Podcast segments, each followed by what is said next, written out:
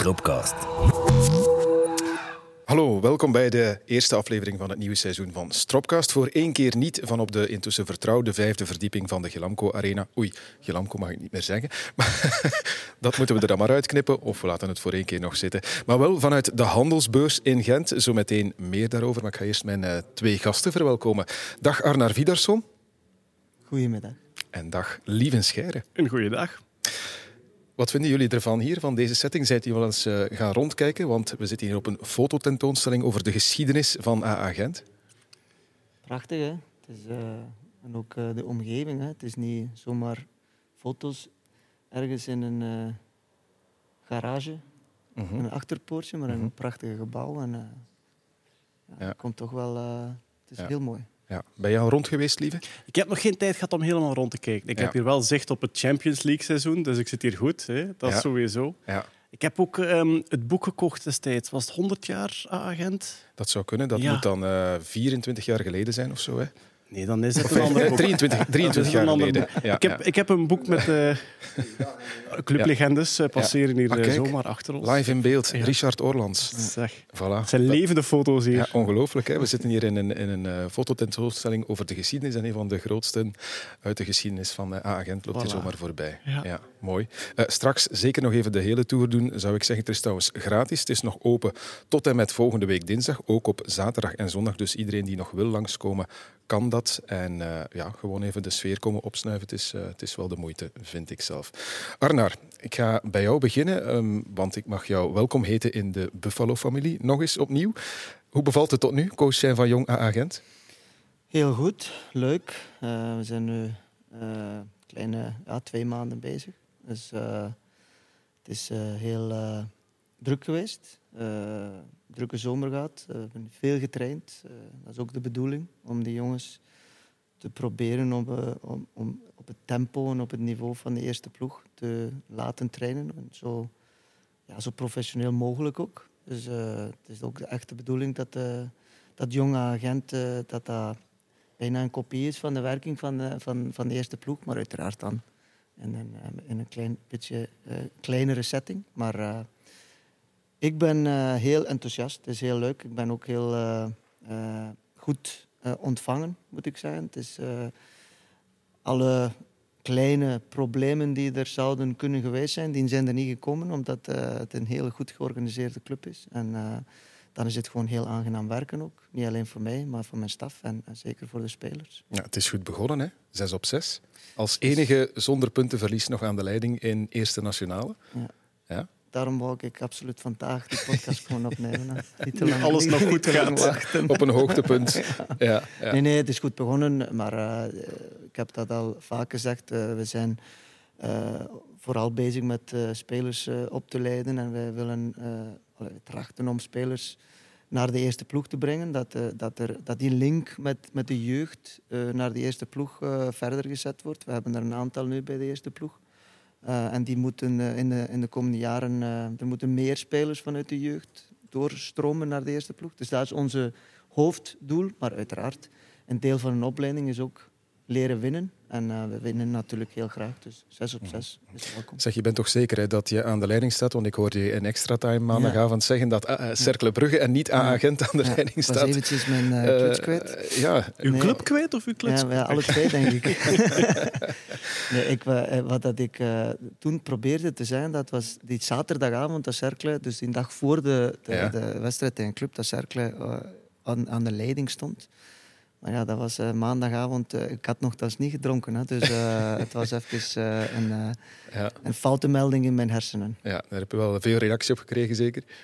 Ja, toch wel. Ja, dat is zo. Hè. Dat is ja. als je, de mensen zijn wakker. Hè. Dus je moet zorgen dat je niet te veel zaken uh, of onzin ja. vertelt op ja. tv. Hè. Dat is nu gek dat voetbalfans commentaar hebben op dingen. Dat hebben we nog nooit meegemaakt. Normaal zo rustige, rationele mensen altijd. Zonder emotie. ja, absoluut. Lieve, um, we kennen jou natuurlijk vooral van televisie, als wetenschapper ook. Als voetballiefhebber zou ik zeggen minder, alhoewel. Je zit hier in een truitje. Zeg het zelf maar even, beschrijf het maar eens. De vorige club die Arnar getraind heeft, denk ik. Hè? De nationale ploeg van IJsland. Ja, inderdaad. Ik heb een jaar in IJsland gewoond. Um, en uh, ja, ik heb dan ook het uh, voetbalsucces van hoeveel jaar geleden is het nu? Zes, ja, ja, 2014. Ah ja, voilà. 2014. Ja. Nee, 2016, 2018, sorry. Ten volle beleefd de overwinning tegen Engeland. Ongelooflijk moment, denk ik, voor iedereen die, die uh, IJsland van is. En ook uh, agent van natuurlijk. Ik woon nu 23 jaar in Gent, dus uh, mm -hmm. ja, al 23 jaar. En kom je vaak kijken? Weinig. Ik ben een atypische voetbalfan. Um, um, en om verschillende redenen. Ik heb nooit zelf gevoetbald. En ik merk aan alles dat dan een enorme achterstand is. Als ik luister naar analyses, als ik spelers hoor praten, er is veel waar ik geen besef van heb. Ik kijk graag naar het spel. Ik snap er voor mijn eigen zin iets te weinig van. Gelukkig hebben we weer een uitermate getalenteerd analist en trainer zitten, dus dat is dan de rol van, van Artner.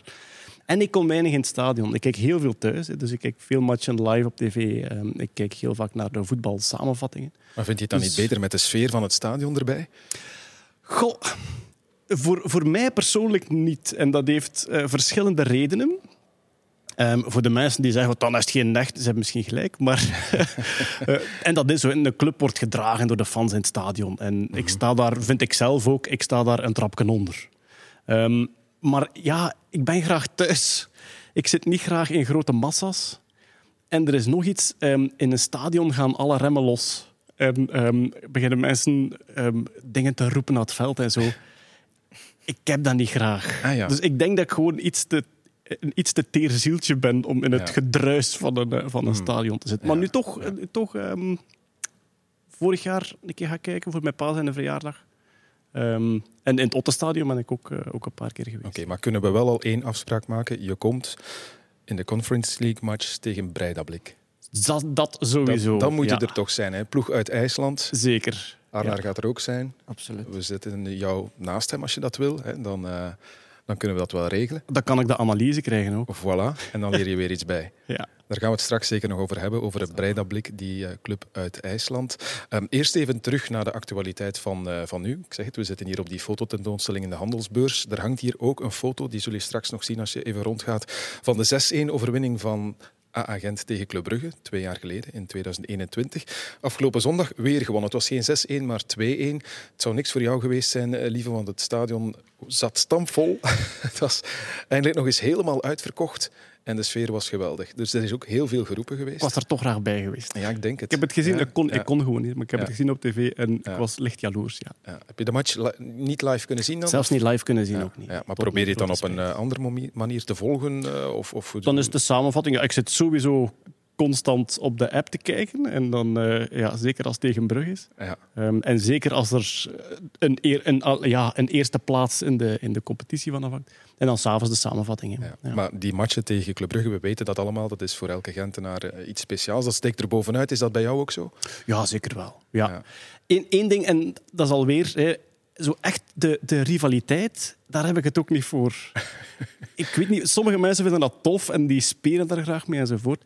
Ik kan perfect met iemand die voor Club Brugge is iets gaan drinken en over de match praten en zeggen wat er goed was en niet goed was van allebei de ploegen. Dus echt zo die keiharde rivaliteit, dat is, dat is ook zo weer mijn ding niet. Maar die sfeer van die match ja. en die geladenheid van die match, ja, en dan zeker als je wint, dat is uh, heel Maar tof, een beetje ja. banter moet wel kunnen. Heb je Arrivederci Hans meegekregen? Uh, ja, maar ik heb Hans van Aken ook zien staan hè, Ja, dus, voor, uh, voor dat ding. En ook dan, dat kan denk ik en dat is speels, maar je weet ook dat er een paar in de tribune zitten die daar gewoon oprecht woest van worden. Mhm. En dat is, het zo, dat is het mij zo niet waard eigenlijk. Ja, Ja. ja. Hij heeft er wel goed op gereageerd, hè, Hans van Aken. Arnar? Ja, maar ik vond, dat, dat, dat vind ik nu echt een deel van het voetbal. Dat is eh, elkaar een beetje jennen. En ik vond ook de reactie van Hans na zijn doelpunt vond ik ook mooi. Mm. Dat was niet uitbundig, dat was uh, lachen. Uh, en dat, en dat, uiteraard, dat maakt de supporters van Gent op dat moment echt woest. Maar ja, je moet dat ook wel kunnen nemen dan. Als, het dan, uh, als je dan verliest, als er dan iets terugkomt, moet je dat ook kunnen incasseren. Hè. Dat vind ik wel... Ook, dat is ook wel een, een groot deel van, van voetbal. En dat is wat uh, Lieve misschien niet zo graag heeft. Maar dat is dat sfeer in het voetbalstadion. Dat is die emotie.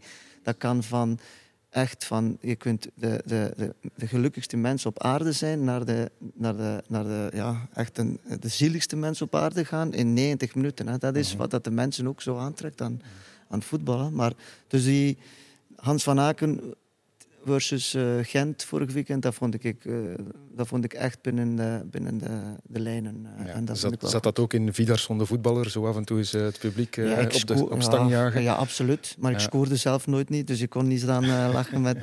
dus, maar ik, ik, heb natuurlijk, ik was natuurlijk wel een type speler die, die nogal... Um, ja, we moeten gewoon zijn zoals het, zoals het was. Ik was irritant op het veld. voor mijn ik denk dat mijn meeste medespelers wel graag met mij voetballen, maar een tegenstander die zullen mij niet zo graag gehad hebben. Mm -hmm. Maar uh, uh, dat was heel simpel voor mij, was winnen ook alles. En ik deed eigenlijk niet echt mee aan fair play. Als ik kon een klein beetje vals spelen, dan deed ik dat. toen was het ook wel gemakkelijker, toen ja. kon het wel, omdat er geen... oeps, VAR. De VAR was er niet. Ja. Dus, ja. Maar ja, dat dit, dit, dus dat, maar ik kon dat ook wel, uh, als het dan in een andere richting ging en je verloor, en het publiek begon jou dan uh, uit te ja, schelden of ja. lachen, of dan, dan kon ik dat ook wel plaatsen. Hè. Dat, is, ja. uh, dat is er een deel van. En dat is het, dat daarnet ook, ook dat Lieve zegt van ja, dat er voetbalsupporters dat ze commentaar hebben. Of, dat is maar normaal. Dus ik weet ook wel, als ik dan op tv kom en ik geef mijn mening of analyse over de zaken. Dat is niet de waarheid. Dat is gewoon mijn mening. Uh, en de mensen mogen en moeten mhm. hun mening hebben. Dus dat er daarop Twitter of hoe, noemt dat nu? X of uh, weet ik niet, Instagram en al die uh, zaken. Dan, Lieven is daar uh, vrij bekend. meer dan 300.000 volgers, dat is drie keer zoveel als A-agent, Lieven. Echt waar? ja, echt meer dan de club? Ja, drie keer zoveel als de club. Onmogelijk. Ja. Maar ja, Twitter is te saai voor de Jij bent groter dan A-agent, Lieven Scheren. Op één kleine app, ja. ja. Op Instagram niet, denk ik. dat, dat heb ik niet vergeleken. eens checken. Ja, ja, moeten we straks ik zal jullie steunen op de social media Wel, als je wil. Retweet ons af en toe eens, hè. Dat doet ons plezier. Met plezier, zeker. Nee, trouwens, um, ja, zeg maar. denk, uh, bij een, een, vorige overwinning op Brugge, het is, het is een paar jaar geleden, het is van voor de pandemie. We hebben een keer 4-0 gewonnen. Uh -huh. En uh, toen heb ik een tweet geplaatst. Ik zat op de trein en ik passeerde het station van Gent-Brugge. Ja. Ik heb snel een briefje geschreven, 4-0 en eronder gehouden met een foto. en die heeft het goed gedaan op Twitter. Ja, maar ik heb gezien dat je die nu herhaald hebt. Ik heb hem nu opnieuw gedaan. Ja, ja. Aan het station van Gent-Brugge gaan staan. Ja, inderdaad. Mooi, mooi.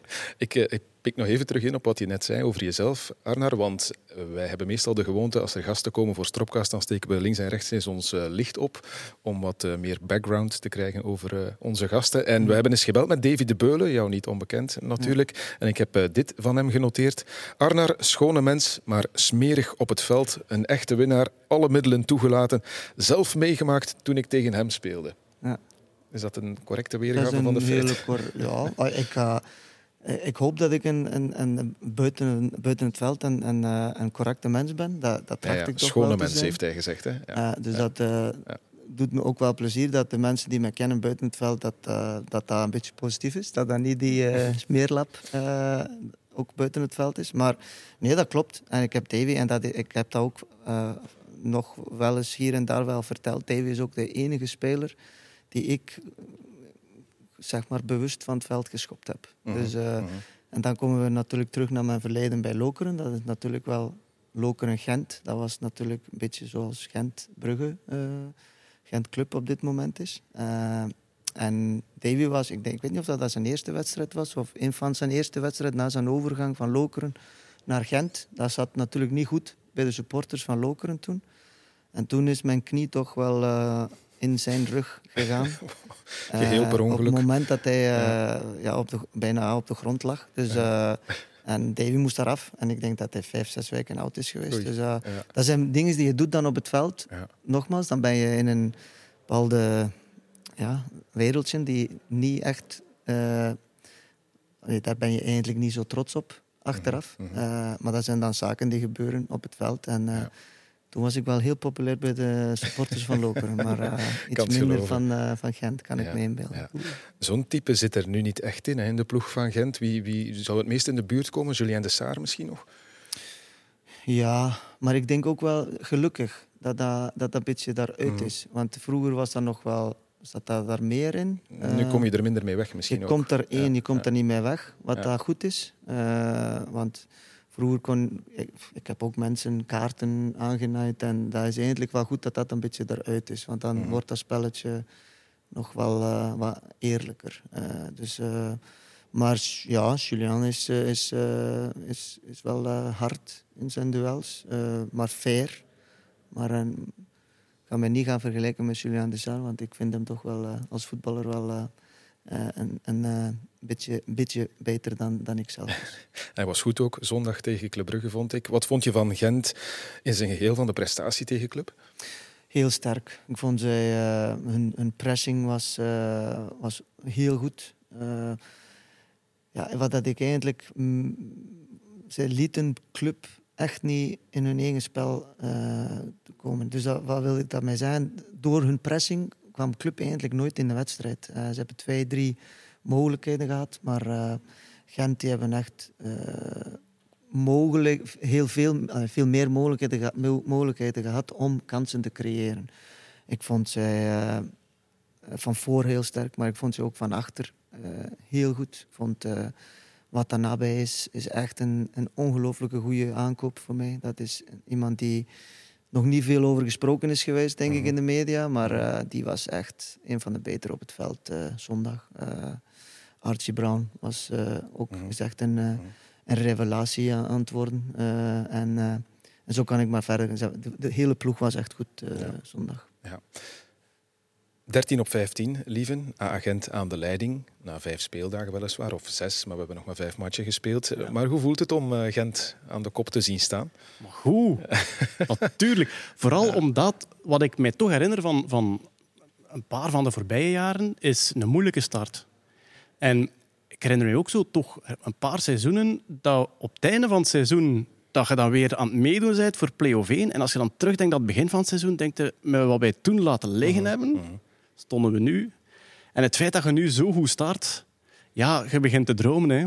En oké, ik mag rationeel zijn en de, de, de emotie af en toe proberen de baas zijn. Maar dat doe ik wel graag. Echt zo op voorhand al dromen van, het is ons jaar jongens. we zijn vertrokken. En... we moeten al één keer niet achtervolgen inderdaad. Dat was, zoals je zegt, de voorbije jaren wel, wel anders. Maar het is, het is nog vroeg. Ik weet, het is inderdaad verleidelijk als supporter om te beginnen dromen. Maar ja, vijf matchen gespeeld. Parijs is nog ver. Uh... Ja, ja, ja, voilà. Maar het is ook zo. Nou, wel, ik zal misschien even mijn, mijn amateuristische blik als liefhebber die er weinig van kent. Hè. Ik zie nu die weelde van voor en ik sta me daar misschien blind op. Uh, dus ik zie uh, Orban zijn ding doen en Kuipers schitteren. En dan Tissot Dali komt terug en Hong was dan ook een keer super tegen Brugge. En voor iemand die te weinig van voetbal kent, zoals ik, die ziet dat van voor en die denkt, jongen, we zijn er toch. Maar hoe zit het met de rest van de, van de opstelling en de ploeg? Ja, zit, zit, zitten daar de risico's dan? Over naar Arnar. Ja, inderdaad. Ja. Nee, maar ik denk dat dat het grote verschil is met vorig jaar. Zonder eh, kampioen spelen, dat, dat, is, is, uh, dat hangt van heel kleine details af. Of dat, dat lukt of niet. Maar de grootste verschil, vind ik nu, met vorig jaar, is toch wel de breedte de kwaliteit in de breedte. En dan, dan eh, dat is inderdaad in die andere posities, dat jij dan niet noemt. Maar uh, de, er zijn uh, wisselmogelijkheden op dit moment genoeg. Uh, op dit moment ook niet te veel blessures, wat dat vorig jaar wel was. maar er mogen wel een paar wegvallen met, met een blessure, natuurlijk niet voor lange tijd. en we kunnen dat opvangen. Dat is wel heel belangrijk. Maar dan, terug wat ik mij begon, om een kampioen te spelen, dan moet je ook wel het geluk hebben dat die schorsingen op de juiste momenten komen. Je moet geluk hebben dat die blessures op de, allez, zo weinig mogelijk natuurlijk. En dat die dan, als die dan vallen, dat dat, dat, dat, kleine blessures zijn en dat die ook op de juiste moment, momenten komen. Alhoewel dat dan nooit op, op een goed moment kan komen. Maar uh, dan moet, die puzzels moeten eigenlijk allemaal samenvallen. En dat is, hangt, dat is ook wel allez, een mhm. klein beetje geluk mee, mee, mee uh, gemoeid. Hè. Maar uh, zoals ze in Engeland zeggen, you make your own luck. Hè. Dus, uh, maar dat begint ook wel met, met dat de kern wel breed genoeg is en dat je elkaar kunt vervangen eigenlijk. En dat was vorig jaar toch wel ja. iets te Hein, hein zegt, je ziet meer honger in deze groep, meer energie ook dan vorig seizoen maar dat komt ook met die, met die concurrentie. Hè? Want uh, ik, ik, vind sowieso dat zij heel goed hebben ingekocht. Uh, de spelers die, die nieuw zijn en die al meegedaan hebben. Voor mij is het alleen nu een beetje wachten op, uh, op onze Israëliër, die ik, no ik Mhm. nog niet eh, genoeg heb zien spelen. Maar eigenlijk tot nu toe, niet alleen dit seizoen, maar vorig seizoen, de transfers zijn gewoon heel goed geweest. Mhm. We moeten daar gewoon heel eerlijk in zijn. En, en dat honger, dat komt ook doordat er concurrentie is. Hè. Je weet wel gewoon, als ik, als ik niet presteer, ja, dan staat de volgende al klaar om mijn plaats in te nemen. Hè. Dus dat is, uh, ik denk wel dat dat een, een, een link is die, die samenhangt. Ja. Er zijn al wat namen genoemd, lieve, van spelers. Hè. Watana B, um, wie heb je nog opgenoemd? Hong, uh, Kuipers heb je nog niet genoemd, enzovoort. Wie, wie, ja, wie behoort er tot jouw groepje lievelingsspelers?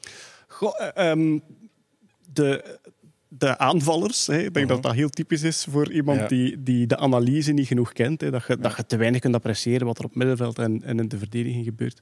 Um, de aanvallers, Tissoudali vond ik, uh, keek ik enorm graag naar en hij is nu terug. Dus ik hoop dat dat ook weer terugkomt.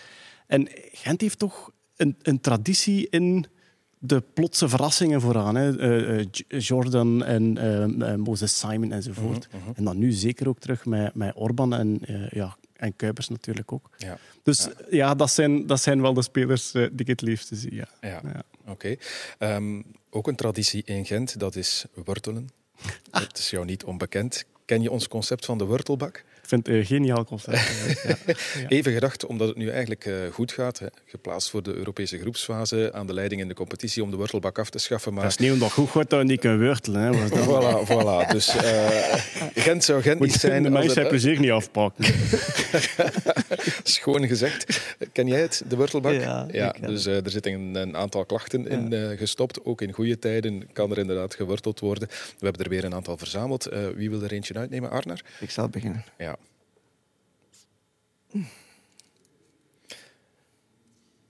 Ik ben benieuwd wat er uh, op het briefje staat. De transferperiode was goed, maar de kern is nog altijd te klein. Als er enkele blessures zijn, gaan we in de problemen komen. Ah, kijk, um, je had het eigenlijk nog net ja. maar vernoemd. Ja. En als ik jou bezig hoorde, zei je net van ja, maar de kern is goed zoals hij is. Dus dan ben je het niet echt eens met uh, wat op het briefje staat, of wel? Nee, ik ben daar niet mee eens. Omdat, zoals ik daarnet ook zei, het, uh, de kwaliteit in je kern uh, is ook heel belangrijk. Als jij een vervanger hebt, zeg maar iets voor een centraal verdediger, als je Kandus op de bank kunt ja. zetten, uh, en dan heb je daar nog een uh, Brian Akbor en een Bram Laga, daar, daar nog klaar, jonge spelers die nog klaar zijn daarachter. Ja, dan, dan zit het gewoon goed. Het, je, je, gaat wel een probleem hebben als je elf moet opstellen en, en de kwaliteit op speler nummer 12 en 13 al, al veel minder is. Mhm, Maar op dit moment vind ik dat wij toch wel heel veel kwaliteit hebben tot... Ja.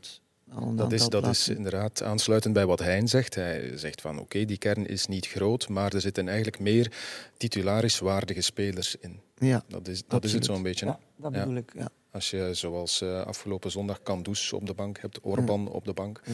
ja. dan zit er wel iets ja. dat, uh, dat ja, kan en, uh, en de wedstrijden voordien had je Tessoudali op de bank. Uh, we hebben uh, Julsager die niet altijd in... Mhm. Dus dat, is, ja, dat, is, dat is toch wel... Zolang dat iedereen fit is, is dat wel een, een, een, een luxe probleem voor een trainer. Ja. Hong gaat naar de Asian Games. Enfin, is nu al vertrokken. Misschien zien we die pas terug ergens halfweg oktober. Is dat een probleem? Ja, want Hong is in. Ik, heb dat, ik, ik zeg dat eigenlijk nu al meer dan een jaar. Ik heb hem ene keer zien spelen in het begin van een van zijn eerste wedstrijden vorig jaar. En toen zei ik van, dit is ongelooflijk. Dat Gent die speler gevonden heeft, ergens in Oostenrijk, denk ik. Ja. Dat er niemand uh, van de grote uh, competities, de vier grote dan nu, want België is nummer vijf. Uh, dat vind ik ongelooflijk. Die jongen is uh, zo goed in zijn pressing. Ik, ik, heb dat, ik heb dat nog nooit niet gezien. Ik heb zelden een betere pressingspeler gezien als Hongi. Dat is mm-hmm. fenomenaal. Mm-hmm.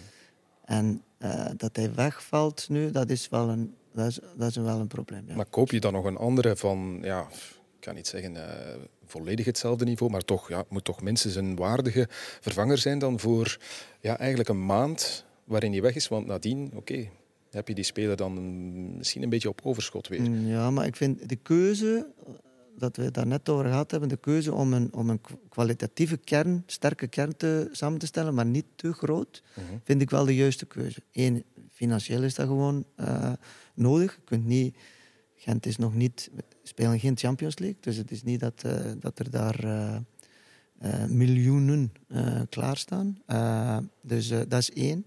Maar twee is ook gewoon, eh, de, de, je kunt zo iemand ook niet, je kunt geen kopie gaan kopen. Hè. Die, de kans dat je die vindt is, is heel klein. Hè? Dus eh, vond ik het bijvoorbeeld, we hebben nu, eh eh, ik ben ik zijn naam even vergeten, eh de Israëliër. Ehm, Gandelman. ja. Ehm, dat is een andere type, denk ik, als ik hem zijn profiel zie. Ja. Dus dat, dan vind ik het wel verstandig om, om, om, om een andere type daarbij te halen. Eh, want Hong, hij, hij komt terug, hè? dus ja, het zijn Uiteraard, vijf, ja, ja. misschien zijn dat vier, vijf, zes wedstrijden, hangt ervan af hoe dat, dat gaat in de Asian eh, Games. Maar die kun je toch niet vervangen eh, met dezelfde type, die gaat je niet vinden. Dat is, zoals ik zeg, ik ben een ongelooflijke Hong fan. Lieve, jij gaat je niet uitspreken over deze wortel en de samenstelling van de al dan niet te kleine kern, vermoed ik. Of eh, heb je er toch een idee over? Nee, nee, zeker niet. Nee. Dat is, dan, dan luister ik echt met veel interesse. Nu, Ja. Ik heb ook gemerkt dat mijn telefoon en de pushberichten, die hebben zo mijn interesses van ontdekt. En ik krijg nu voor het eerst ook transfernieuws door. Hè. Ah, ja. Vroeger, en nu krijg ik af en toe, die gaan naar daar. En dan denk ik van, ja, sommige ken ik, sommige ken Ja. ik niet. Het enige wat ik nu wel moest aan denken, dat is een beetje toch... ehm, de, de blues van de club van in de Belgische competitie, dat altijd in je achterhoofd zit. Als ze te goed worden, zijn ze weg. Mhm. Dat is zo toch... Ja, dat heb je niet als je Manchester City-fan bent. En dat is wel iets dat ik... Ja, dat ik denk van ja, er zijn er toch een paar waarvan dat je hoopt... Blijf Ja, maar dat, dat maakt het toch ook spannend. Want wie had er nu gedacht op eh, 6 september dat Orban, Tissoudali en Kuipers er alle drie nog zouden zijn? Ik denk weinig mensen, maar ze Ja. zijn er nog. Hè? Ja, ja. Ja. Dat is erom dat als Joris zei, god, ja, maar nee, dat is toch straf. Dat is toch een, een, een echte weelde ook, hè, die, die we nu hebben vooraan. Absoluut, maar dat toont ook wel eh, de ambitie van de club. hè. Ja. En dat, mogen we niet, eh, eh, dat moet daar niet eh, te licht over gaan, want dat is niet zo simpel om die, die drie eh, te houden, denk ik. Mhm. Eh, dus En om, om ze ook tevreden te houden, Ah, alle drie. Ja, en, en, en dat zagen we ook wel nu zondag. Bijvoorbeeld uh, Orban, dat hij één, hij was de eerste om Hong, de eerste doelpunt in zijn armen Ja. te springen. Ja. En hij zat op de bank op dat moment. Eh, je kunt ook wel met een. eh, ah, je kunt slechtgezind op de bank zitten. Mhm, daar, mhm. daar zat hij, hij was echt blij. En dan wordt hij daar, allee, valt hij in en wordt er eigenlijk terug afgehaald door hen. Die, die eh, voor mij echt een hele straffe stoot was van onze coach. Dat is niet zo simpel om, om dat te doen, maar dat was wel op dat moment de enige juiste keuze, maar wel eh, eh, een goede keuze.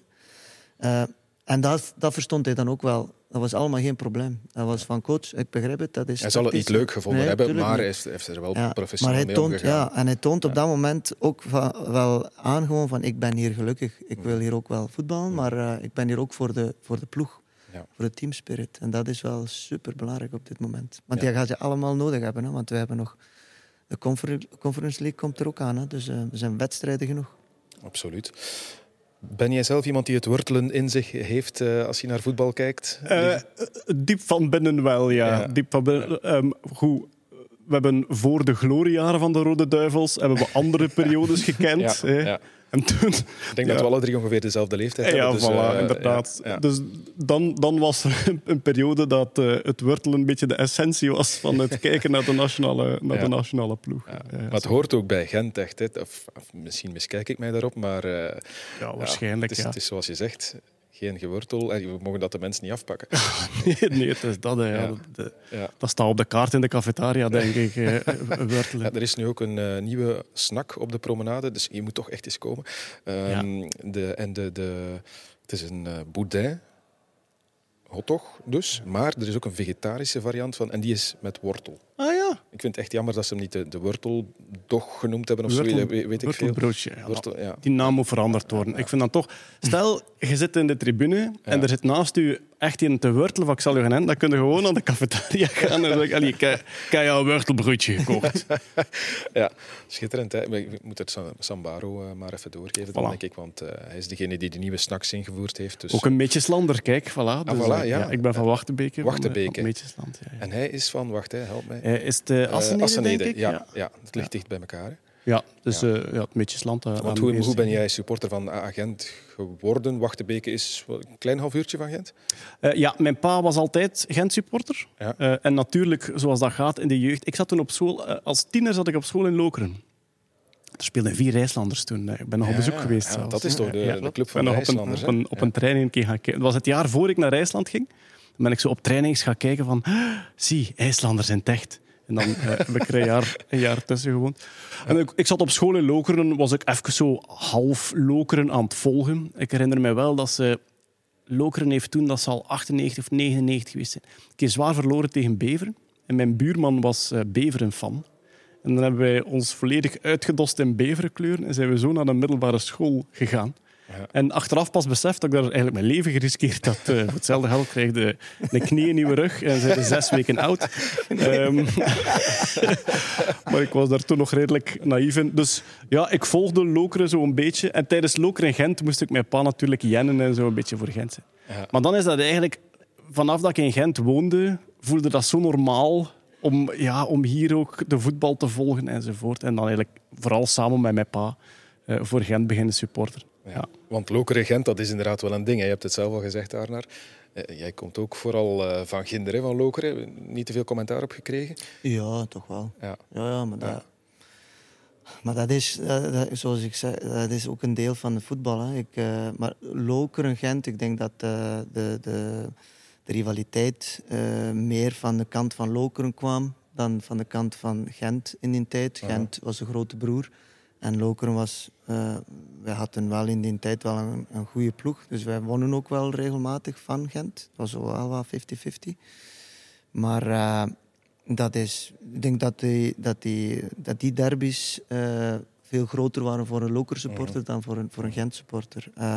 maar toen dat ik nu voor Gent ben beginnen werken en ik woon in Lokeren, ja, dat was inderdaad, dan krijg je... Allee, ik, zit gelukkig niet op uh, social media. Maar, uh, geen 300.000 volgers? Nee, nog niet. Dat is even, bijna evenveel als de inwoners van IJsland. Dus, uh... oh, misschien hadden ze Twitter beter Wurtel genoemd. Dat is ja, eigenlijk. Ja, we moeten ons... Ik heb hetgisteren op Wurtel gezet. Oh, schitterend. We, moeten, we, moeten we gewoon opstarten. Voilà, in plaats van retweeten is dan rewurtelen. Ja. Fantastisch idee. Ja. Goed, jij lanceert dat met die 300.000 volgers. Dan, ik bel naar Elon. Dan zijn we meteen vertrokken. Ja, goed. Uh, waar waren we gebleven? Ah ja, ik dacht er net aan toen je het zei. Want eigenlijk was Lokeren inderdaad, en ik had nog zover niet gedacht, de club van de IJslanders. Hè. Ja. Ik, ik weet niet of Gent ooit een IJslander gehad heeft, maar ik denk het niet. Um, daar in de achtergrond staat Martijn de Bakker. Dat is een uh, levende encyclopedie die alles weet en bijhoudt van Agent. Die ook zijn eigen museum heeft en die er ook vandaag weer rondloopt. Hij is hier niet weggeslaan. En hij schudt van nee. nee. Nooit een Dus als Martijn het zegt, dan klopt het. Nooit een IJslander. Dus Arnar, als jouw zoon... Uh, André Raas. André was, Raas. Uh, was getrouwd met een IJslandse. Ah ja? ja Oké, maar dat telt niet. Hè. Okay. Telt dat niet? Nee, nee, nee, nee. Wat er wel gaat tellen, Arnar, is als jouw zoon in het eerste elftal van A-agent terechtkomt, dan is hij de aller... Maar ja, goed, heeft hij de dubbele nationaliteit? Ja, nee. ja, ja toch? Ja, hij heeft de dubbele nationaliteit. Okay. En heet hij Arnarsson? Nee. Ah. Vond ik heel... Uh, ja, voor de mensen die dat niet weten, dus in IJsland, ik ben Vitarsson, want de voornaam van mijn vader is Vidar. Vitar. Ja. Dus in principe zouden mijn, mijn zoon Artnarsson moeten noemen. Maar uh, omdat mijn kinderen zijn geboren in de UZ in Gent. Mijn vrouw was daar uh, vroedvrouw. En omdat mijn vrouw een Belg is en ik een IJslander, dan val, valt dat eindelijk onder de Belgische wetgeving en krijgen zij mijn familienaam. Zij heten ook Vidarsson? Zij, zij heten Vitarsson, maar mhm. ja, mijn familienaam in het IJslands is uiteraard niet Vitarsson, maar is Wedarsson. Uh Dus die, uh, en ik vond dat in het begin ik vond dat echt verschrikkelijk. Want mijn oudste is een meisje. En dat zou eigenlijk, zij zou Artnars dochter moeten noemen. De dochter van Artnar. En ik, ik, in het begin vond ik dat echt uh, ik vond dat verschrikkelijk. Dat is heel uh, raar, ja.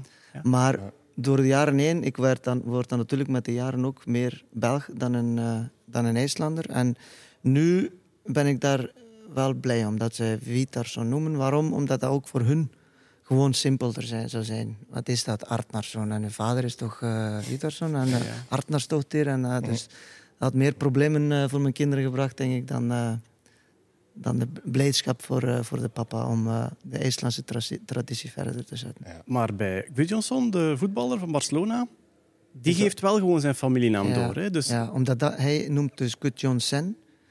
En daar, ik denk dat er ongeveer 10% van de bevolking in IJsland heeft wel een familienaam. Die hebben gekozen voor, wij gaan wel de familienaam doorgeven in plaats van mij te noemen zoon van en de naam van mijn vader. Dus, en hij is dus Gudjonsson. Ja. Ik zag onder jouw laatste of een van jouw laatste tweets iets passeren. Want morgen neem jij een podcast op over IJsland. Ja. En je deed een oproep van wat wil je weten? Stuur je vragen alvast in. En uh, het ging onder meer ook over de naamgeving in IJsland. En iemand vroeg, ja, maar wat als uh, de vader Parkin heet? Krijg je dan als familienaam van de zoon Parkinson? Ik vond dat nu wel grappig. Klopt, maar Parken zit niet bij de toegelaten namen in IJsland. Ah, dat mag niet? Nee, nee. Er Echt? zijn er maar 300, denk ik, Ja. of zo. Dat is een boek, hè? Ja? Toegelaten namen. Ja, ja. Allee. Tom zit er niet tussen. Nee. Nee? Nee. Nee, dat is niet waar. Dus Parkinson, dat gaan we niet voor hebben. Maar IJsland is een enorme eilandcultuur met een rijke geschiedenis en met een, een rijke taalgeschiedenis ook. Dus voor een IJslander is het ondenkbaar dat je je dochter Britney zou noemen of zo. Dat gaat ja, gewoon niet. Dus je hebt een vaste lijst van namen en daar, daar hou je je aan. hè. Ja, Ja, ja. inderdaad. Je kunt wel, een, een, je kunt wel als je een nieuwe naam wilt eh, gebruiken, dan, moet, dan, dan komt dat voor een comité. komt echt voor een namencomité.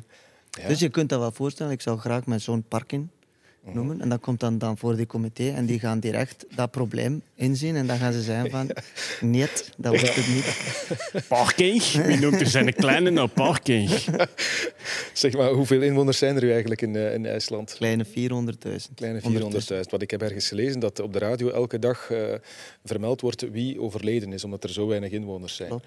Dat is, nog, dat is echt Ik waar? weet niet of dat, dat nu Ja. nog zo is, maar ik kan me dan nog herinneren, eh, thuis bij mijn oma en opa, als ik klein was, dat, dan stond de radio op. Mijn vader en mijn opa was wel een eh, visserman, dus hij was veel, was veel weg. Mhm. En dan, de radio stond telkens op bij mijn oma. Dat waren dan, dan kreeg je ja, de, de, de doodsvallen, wie dat er dood was. En dan ook wel eh, bepaalde ongevallen of eh, schepen die... eh, want ja, hij zat op zee, dus dat, was dan, dat werd dan eigenlijk allemaal wel gemeld. Hè. Dus Begon met, heel mu- triestig. begon met een muziekje, hè? Ding, ding, ding, ding, ding, Klopt. ding, ding, ding. Dat klonk op de radio. Klinkt wel redelijk vrolijk voor. Ja, ja, absoluut. het ging over de doden. Dus Sigaroos, heeft er nog een bewerking van gemaakt, van, Ja. dat, eh, van, dat, van dat liedje. Wat, ook, wat ik ook heel grappig vond in IJsland, 23 jaar geleden, op de radio, dat eh, de radioreclames, die werden gewoon afgelezen door een vrouw. Dus die kreeg dan een tekst. Dus als je reclame wou maken, dan moest je gewoon een tekst intikken en zeggen van ja, Rita, kun je dat eens voorlezen? Dat is- Goed, Rita mocht niet natuurlijk, hè. het was dan Ja. Frida of zo. Ja. En dus dan kreeg je echt, en dan nu reclame.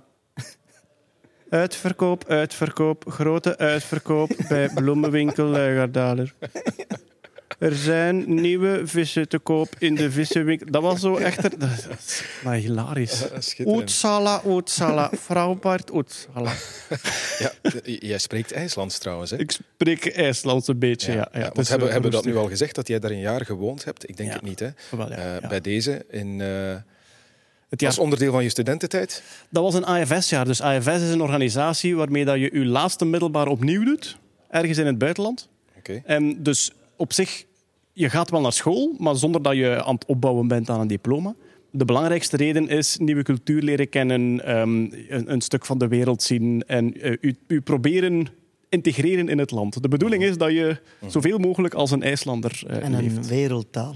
En een wereldtaal leren, ja. ja, inderdaad. Ja. Ja. En de hele geschiedenis, minder dan 1 miljoen mensen die ooit IJslands eh, gesproken hebben. Ja. Ik zou zeggen, wissel gerust een woordje hè, met Arnar in het IJslands. Doe Ja, maar. ja, zo.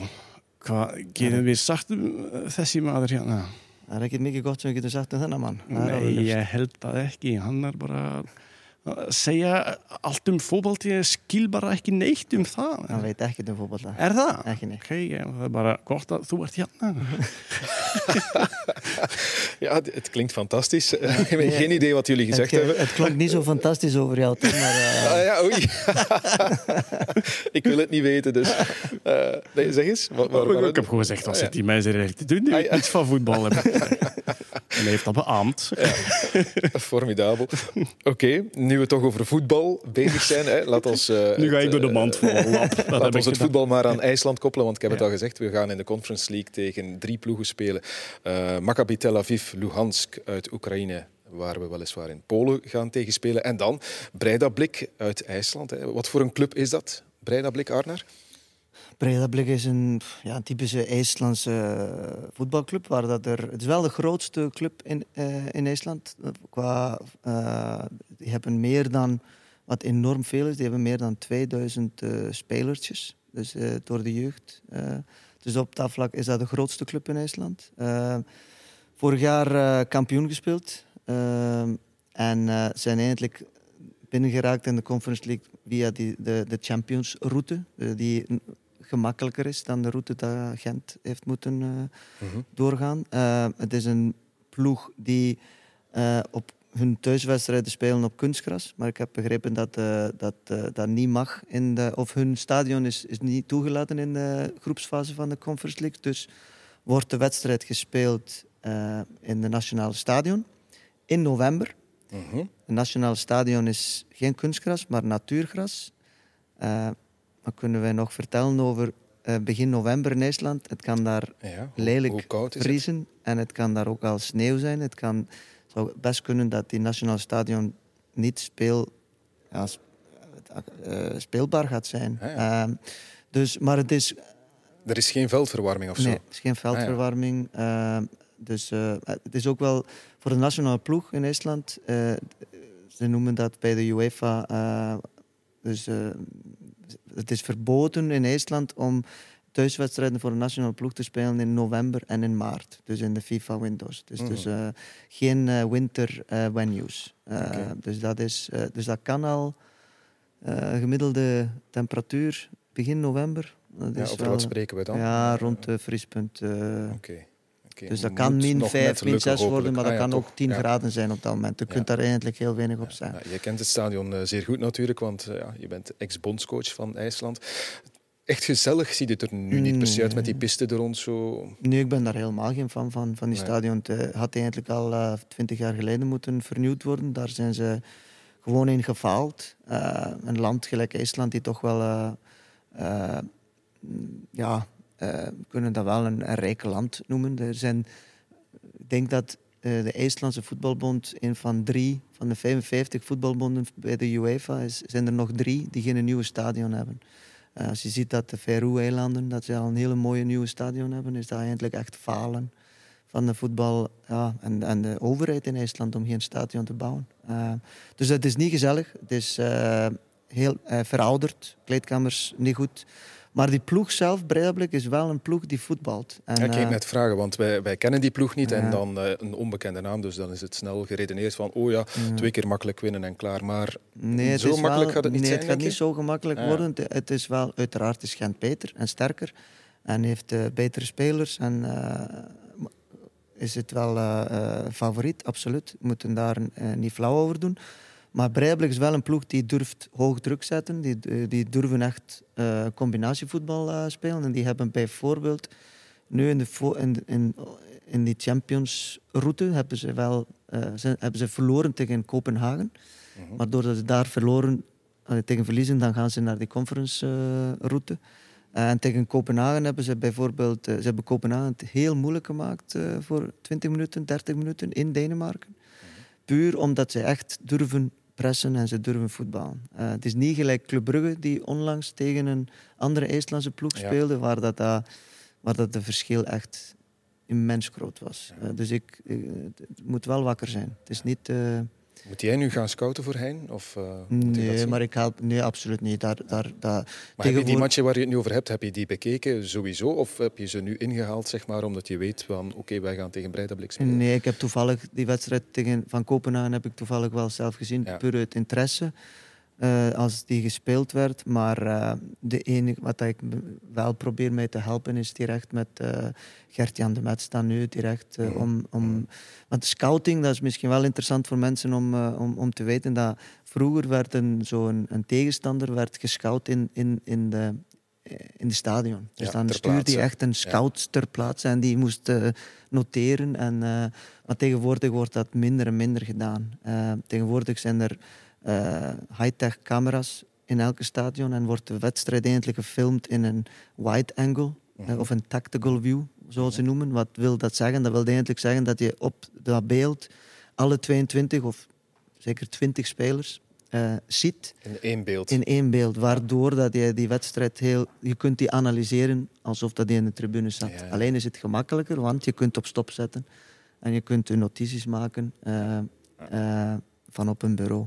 Dus dat wordt nu veel meer gedaan. Dus heb ik uiteraard, heeft Kert-Jan mij direct gecontacteerd. Die zijn na de loting direct bezig met die scouting van die ploeg. En heb ik daar hun geholpen om de eerste beelden binnen te krijgen van, uh, van, die, van die ploeg. Dus uh, en, en, zo gebeurt dat in de moderne ja, voetbal. Klinkt logisch. Lieve, uh, als ik Arnaar bezig hoor voor dat stadion, gaan we het niet moeten doen. Maar we willen natuurlijk met zoveel mogelijk Buffalo's naar Reykjavik. Uh, overtuig ons dan eens uh, van wat andere aspecten. Waarom moeten we met z'n allen naar Ginder? Ja, maar kijk, IJsland is echt waar. En goed, ik heb er gewoond. Maar IJsland is een van de mooiste landen ter wereld. de, de, de landschappen en de natuur in IJsland, dat is iets uniek. Dus stel dat je naar die wedstrijd gaat en je kan daar drie, vier dagen voor of na nemen ja, dan, zou ik dat niet, dan zou ik dat niet laten liggen. Ook vanuit Reykjavik heb je een, heb je een paar hele mooie um, dagtrips die je kan doen. Hè. Je kan een stuk langs de zuidkust. Uh, je kan um, de gijzers gaan bekijken. vind ik fantastisch. Gijzers, hè. dus je kent het. Je, ja, ja, ja. Het wel een hele diepe put in de grond. Daar loopt uh, water in. Onderaan is het uh, warmer dan 100 graden door die vulkanische activiteit. En na een tijdje ontstaat daar stoom. En dus om de 10 minuten, het kwartier, barst dat echt uit. Zo'n gigantische stoompluim. Ja. Onlangs was uh, Joost van Nifte daar. Ik weet nog of je Joost kent. Uh, Joost doet de opwarming bij Extra Time ook. Juist. Is uh, een comedian uit Zelzaten, ook een ja. Mitjeslander, die de wereld bekijkt door een Mitjeslandse blik. en hij zei tegen mij, ik zei in IJsland geweest, nou dat spel daar, allez, die, die spiegelende vijvers. dat waren de gijzers dus, de spiegelende vijvers. maar dus, als je zo een paar dagen kunt nemen en je kunt zo een stukje van het land zien, het is november, dat is een risico. Het kan zijn dat je overal naartoe kan. En het kan zijn dat sommige stukken al, al niet meer toegankelijk zijn. Maar, ja, en, en, hoe, zit, hoe, zit, dat met het licht? Want uh, gaan we daar veel daglicht hebben op dat moment? Ah, dat is nog een argument. Je kan het noorderlicht zien. Er is weinig daglicht. Hè. Dus een, een dag zal vijf, zes uur licht zijn, zoiets, tegen dan. Mhm. Maar als je, als je chance hebt en je ziet het noorderlicht, dat, dat is ook iets dat ik vaak gezien heb in IJsland. Ik vind dat ook iets uniek en iets overweldigend als je dat uh, kunt zien. Mocht voor de voetbal gaan ook, hè, daar niet ah, ja. van. Maar... zijn er goede cafés eigenlijk? Dat is ook altijd belangrijk. Er zijn goede cafés, heel zeker. Alcohol is er wel duur. Ja? Het is een tijd verboden geweest. Hè. Dus uh, IJsland is een tijd compleet drooggelegd geweest, dat alcohol verboden was.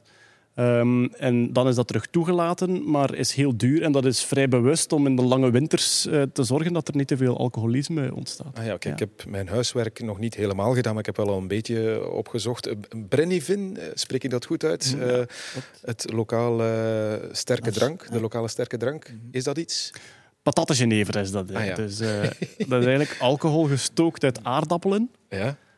Um, ja, dat, dat, ja, typische korte dranksmaak. Hè. Dat, uh, niks van tierlantijntjes, hè. dus geen gedoe met botanicals en gin enzovoort. Daar hadden ze in IJsland ook geen tijd voor. Hè. Dus dat, bijvoorbeeld, heel typisch, de IJslandse taal heeft geen woord voor alstublieft. Je hebt dat niet nodig. Ah, bon. Het is koud, we gaan een beetje voortdoen. Geen tijd verspillen met alstublieft. Je zegt wat je wilt en je krijgt het of niet, dan gaan we weer weg. Dat ah, echt? Ja. Dat bestaat niet. Mm. Alsjeblieft, in, in, wat, zeggen ze dan wel? Uh, gewoon niets. Wat, ik, ik, ik, ik, kan wel, uh, ik kan wel zeggen, uh, als ik jou iets geef, kan ik je wel alsjeblieft zijn. Ja, dus, te geven wel, ja. Te geven, maar niet... niet het is niet zo, je vraagt iets... Wil je mij dat alstublieft geven? Nee, Ja. dat, dat- wil, dat wil, je nog, wil je nog wat water, alstublieft? Nee, dat- nee, nee. Mag je even wat? Ja. Dan zeg je gewoon, ja. Krijg ik wa- water. Het woord alstublieft bestaat niet. Als je heel beleefd wil zijn, zeg je, mag je even wat? Tak. Dan zeg je, mag ik, eh, mag ik water krijgen? Dank u wel. Dank ik heb u, geen alstublieft, Ja. dus je zegt maar alvast. Zeg dat direct, dank u. Ja. Het wat tekort in te Ja. komen. Ja. Ja. Oké, schitterend. We moeten dus niet bang zijn om, om onbeleefd over te komen. Dat, eh, dat risico zit Ik niet denk in. dat voor een buitenstaander die naar IJsland komt, denk ik dat veel IJslanders stug overkomen, hoewel ze het niet zijn. Het is gewoon een manier van communiceren waar dan niet te veel tirlantijntjes aan zitten. Ehm, en bang om onbeleefd over te komen? Goh, nee, ik denk Nee. het niet. We kunnen voor de verdedigers wel wat scheldwoorden meegeven in het IJsland. Ja, graag. Voor het jennen, ja. Ja. ja. Bjauni. Bjauni. Bjauni is zo onnozelaar. Oké, Ja. makkelijk. Jecht dus kiet, maar dat ga ik niet vertalen. Trutla de roet. Oh ja, lemjacher, uimingi. Ik weet wel, ik zet op een cassetje, ik geef Ja, het mee. En, Voilà. Of we zetten dit op repeat hè, en Ja, dan eh, op, op, Ja. op het vliegtuig naar Ginder. bijvoorbeeld. Komt goed. Zeg, nu we toch wel een beetje culinair bezig zijn. Schapenkop, is dat lekker? Ja, ik vind dat wel. Ja, echt waar. Ik, ik heb er alleen een foto van gezien. Ik zag een bord met een halve schapenkop en een bol puree ernaast. En ik dacht, mm, nee. Wel eh, zoete aardappel, hè. zoete aardappel. Zoete aardappel daar Ah, ja, eh, bij, hè. Ja. Dat is eh, gestampt, hè. Ja, maar een- hoe kan een schapenkop lekker Maar zijn, dat is, ja, dat is, ja, het is natuurlijk iets dat ik mee opgegroeid ben. Hè. Eh, dus eh, het is eigenlijk wel een periode, een speciale periode van het jaar waar dat, dat gegeten wordt. Dus dat, eh, en dat komt, ik denk dat dat van de tijden van, eh, bijna van, noemen ze dat nu? Van, van de... De middeleeuwen? Ik Ja, weet- nee, het is nog vroeger. Het is eigenlijk van de, van de tijden van de Vikings dat er. eh, Dat Ah, ja, is, het is Ja, een ja, beetje ja. geloof geweest Ja. ook. eh. maar het is ook gewoon. Het wordt gegeten in de periode in, rond februari, midden februari begint de, beginnen ze daarmee met die eigenlijk al die. Eh, ja, dat is, dat is een eh, schapenkop, eh, schapenkloten, dat is, ze eten de tong en de ogen en dat is eigenlijk zuur. Alles, veel, veel van de eten wordt eigenlijk in het zuur gelegd. Maar dat komt, waarom wordt dat in februari ook en dat dat nog altijd bestaat, is eigenlijk omdat in vroeger, een honderd jaar geleden, moesten de IJslanders echt heel veel doen om gewoon te overleven. En dan was eigenlijk, dat was, waren eigenlijk de restjes van Ah, ja. het eten die, We die slachten een overbleven. schaap en Ja. we eten alles op. Ja.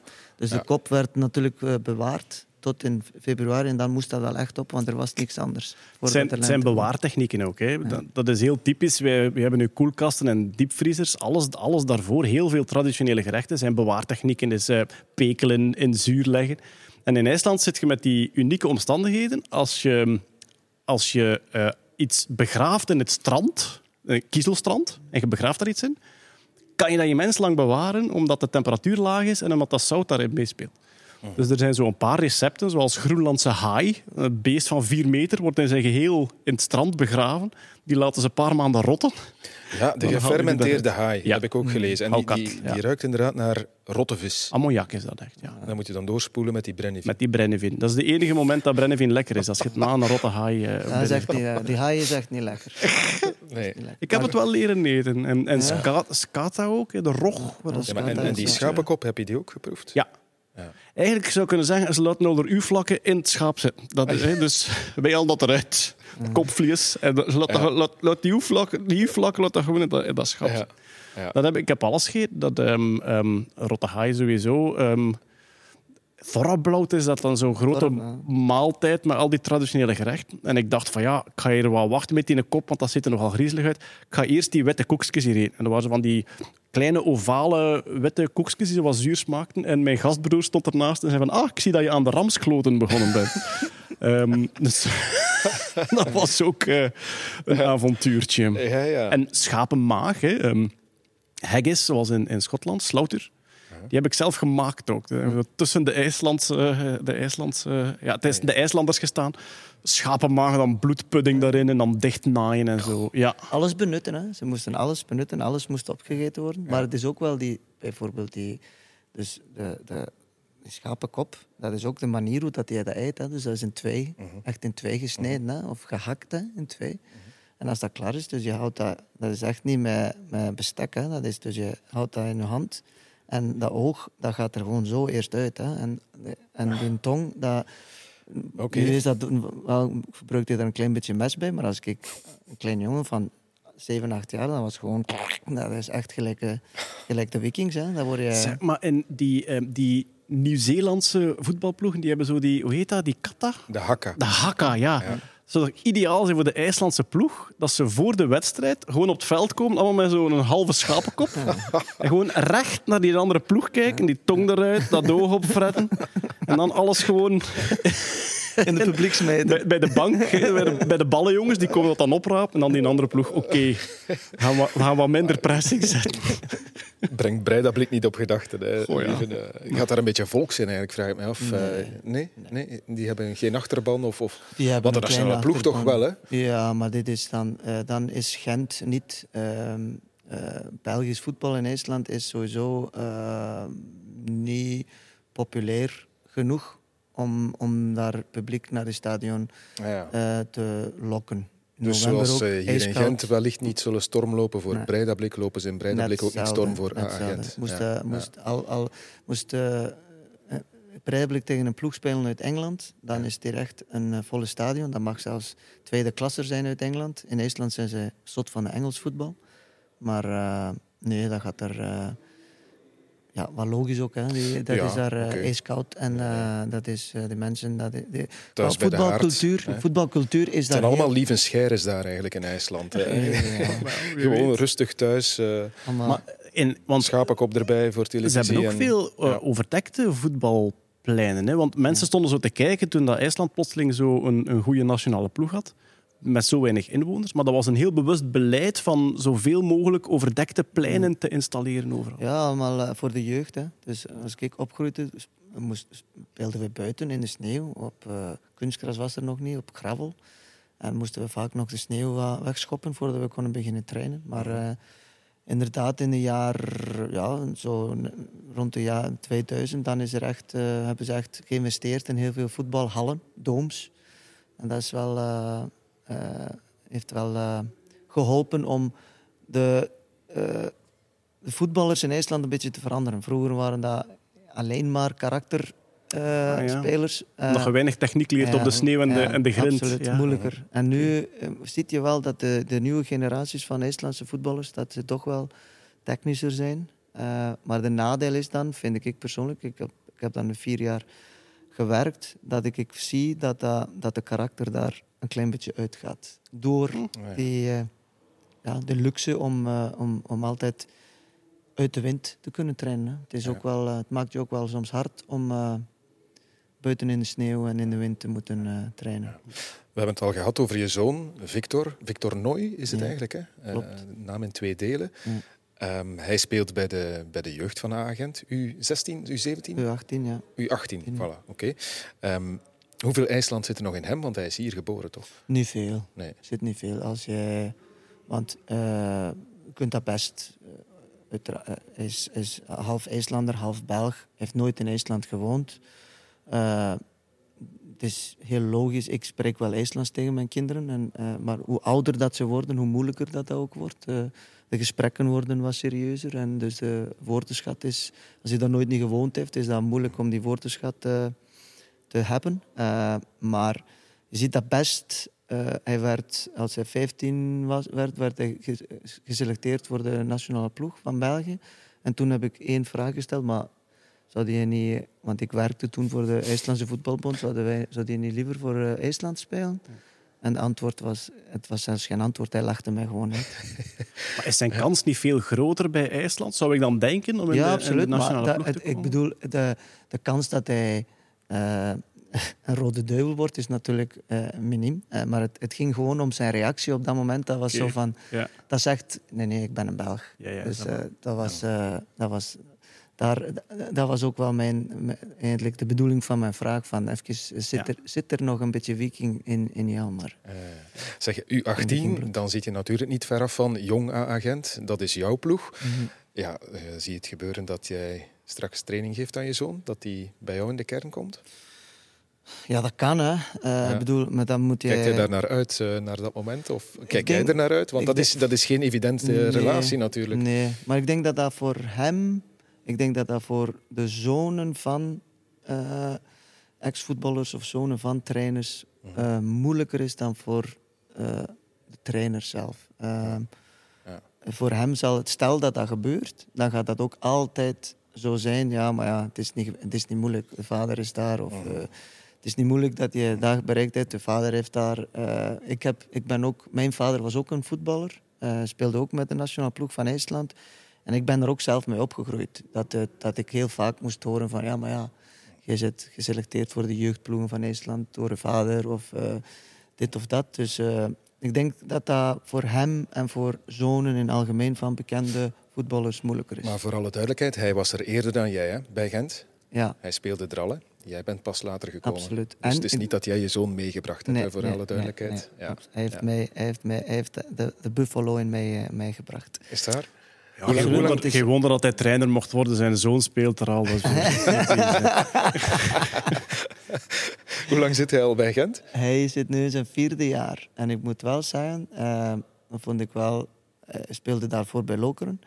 En uh, hij werd heel snel een echte buffalo. Want uh, er was dan... op een bepaald moment... Na een periode speelde ze dan tegen Club Brugge. Dus dat was, was dat U14, denk ik, of zo. En ik voelde al direct, uh, ik ga niet zeggen haat, maar uh, het was al heel snel zo van, hmm. die blauw-zwarte daar, die, die, mag ik echt niet. Ja. Dus dat, is, uh, dat moet iets zijn dat in, in dat water in Gent zit, dat het heel snel duidelijk ja. wordt van, tegen die verliezen we niet. Wat voor soort voetballer is hij? Lijkt hij een beetje op zijn vader? Want het is ook een middenvelder, hè? Ja, ja denk dat dat het DNA is. Het DNA, dat kun je niet veranderen. Of toch, dat kan toch niet. Lieve, daar weet veel meer over. Tegenwoordig kan je een beetje veranderen, maar het is niet legaal. Dus. dat, is niet legaal. dat is ook iets met schapen trouwens. Uh, DNA. Ja, inderdaad. Voilà. Een dolletje gekloond. Cirkel is rond. Ja? Nee, hij is, uh, in de, hij is een middenvelder. Hij ja, lijkt wel op mij als speler. Uh, maar nogmaals, de voetbal is ook zoveel veranderd in mhm. die tijd. Hij is ook veel betere voetballer dan ik ooit was. Uh, dat heeft ook mee te maken dat de meeste voetballers tegenwoordig zijn ook veel beter dan dat ik was. Uh, de opleidingen zijn veel beter geworden. Uh, dus die jongens worden ook op alle vlakken veel beter begeleid. qua eten, qua het mentale, het krachttraining, het fysieke. Dus ik heb als ik dan moet vergelijken hoe dat ik opgegroeid ben en hoe dat ik mijn carrière eigenlijk uh, doorgesparteld heb. Uh, en in vergelijking wat dat er nu allemaal mogelijk is, dan ben ik zo jaloers op, uh, op die jongens. Want het is zo een. het is echt een. een had ik dat allemaal mogen en kunnen doen in mijn, dan had ik dat ook wel echt graag gedaan. Omdat ik moest, moest het ook echt hebben van mijn karakter. Dus had ik op dat moment echt hulp gekregen in, in, zeg maar met voeding. Ja, dan was dat iets dat ik heel graag had willen doen. Dus op dat vlak zijn de voetballers gewoon veel beter uh, in 2023 dan in rond de 2000. Ja, zat hij vorig jaar, want U18 is afgelopen seizoen uh, kampioen geworden hè, van mhm. België, de U18 van A-agent. Zat hij toen ook al bij die ploeg? Nee, hij zat uh, bij U16, dus hij is nu eerstejaars ah, ja, okay. U18. Hij zat bij die ploeg die twee jaar geleden kampioen is geworden, U15 of zo. Ja, ja. U15. Dus ja. dan is U15 kampioen geworden. Vorig jaar U18 kampioen en de beker gewonnen. U23 de beker gewonnen. Dus uh, mm -hmm. dat is goed. al een hele mooie ja. resultaat voor, uh, voor Agent in de voorbije jaren. Absoluut. Absoluut. En nu gaat hij dan die Youth League spelen. Hè? Dus Champions League voor, voor de jeugd, zeg maar. Ja. Dat is de, nu, de loting is dus van de week gebeurd. Dus ja. we hebben een loting tegen Basel, de eerste ronde. als wij die kunnen uitschakelen, dan wacht hoogstwaarschijnlijk Dynamo Zagreb. Dus dat okay. zijn echt wedstrijdjes voor de jongens die... Ja, dat is Europese wedstrijdjes op, uh, op jeugdniveau. Hè. Dus dat is ook iets dat ze enorm naar uitkijken. En waar dat ook de club heel erg trots op mag zijn dat, dat, ja. dat wij daaraan meedoen. Want dat is, dat is niet niks. Hè. Dat wordt ook wel...